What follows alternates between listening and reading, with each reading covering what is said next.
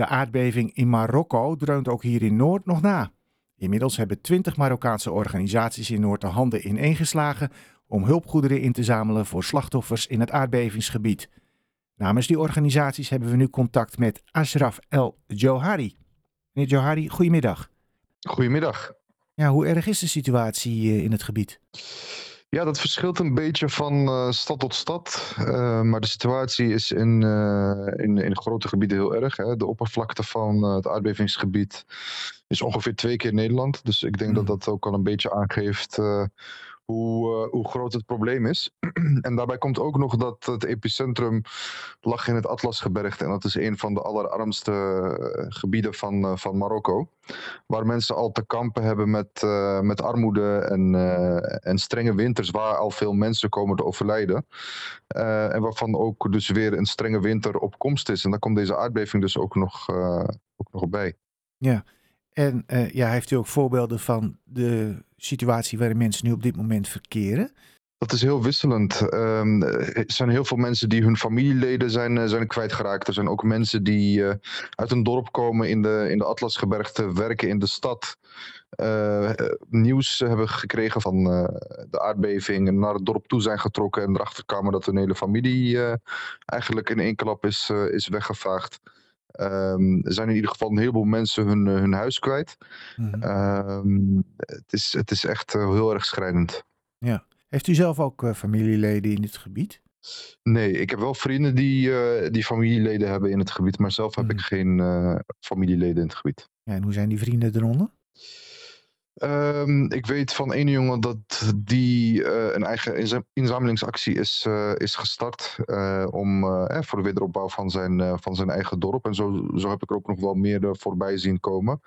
Um, mensen proberen toch ervoor te zorgen dat de hulp niet alleen maar naar de grote steden gaat, maar dat het ook de kleine dorpen en ook de onbereikbare dorpen bereikt, zeg maar.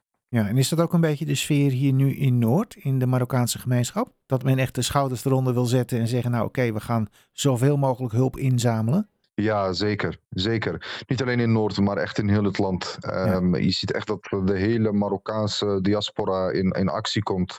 En online gaan er ook een heleboel beelden rond van, uh, van een heleboel vrachtwagens, gevulde vrachtwagens die ook richting Marokko gaan.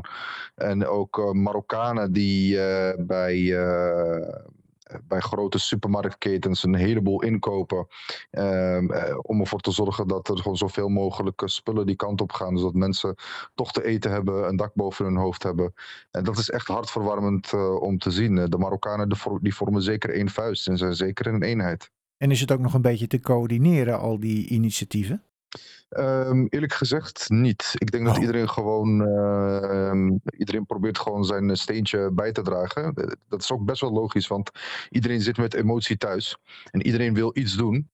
maar uh, Marokko ziet dat natuurlijk ook.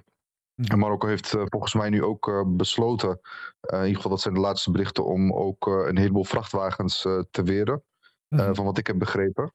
Um, en dat is ook eigenlijk best wel begrijpelijk, want als je kijkt naar bijvoorbeeld de aardbeving in Turkije, waar ook bijvoorbeeld een heleboel kleding is, uh, is ingezameld, nou, die werd, dat werd gewoon grotendeels uh, gedumpt langs de kant van de weg. Er ontstonden gewoon hele storthopen aan, aan kleding en hulpmiddelen, omdat gewoon niet efficiënt werd, werd, werd ingezameld, zeg maar. Nou, toen er in Turkije een grote aardbeving was, werd er hier in Nederland ook op lokaal niveau eh, veel geld ingezameld, ook in Noord. Mm -hmm. uh, doet u dat ook? Uh, ja, het collectief waar ik, de, waar ik eigenlijk de woordvoerder van ben, doet dat ook inderdaad.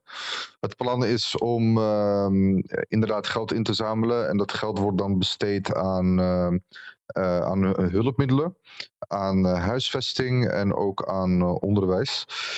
want wij zijn ook van mening dat er niet alleen gekeken moet worden naar noodhulp, maar ook naar de wederopbouw. En dat kan nog wel eens een hele lange tijd gaan duren. Hoe lang denkt u? Daar, daar kunnen jaren overheen gaan. Jaren, ja. Ja, ja. ja. Zeker als dit moment wordt aangegrepen om ook de infrastructuur richting de Atlas te verbeteren. Want het zou zomaar een wake-up call kunnen zijn. Hè? De Atlas, het zijn de geluiden die al wat langer spelen. Hè? De, de, Atlas is best wel onbereikbaar. En de armoede speelt heel erg. Het zou zomaar zo kunnen zijn dat deze aardbeving ook als mogelijkheid wordt aangegrepen om die infrastructuur te verbeteren. En ook om ervoor te zorgen dat de levensstandaard van mensen daar omhoog gaat. Dat zou uh, dat, zou ik, dat zou ik echt wel uh, een mooi streven uh, vinden. Dus toch nog een lichtpuntje? Misschien wel. Dank u wel, Ashraf El Johari. Yes, graag gedaan.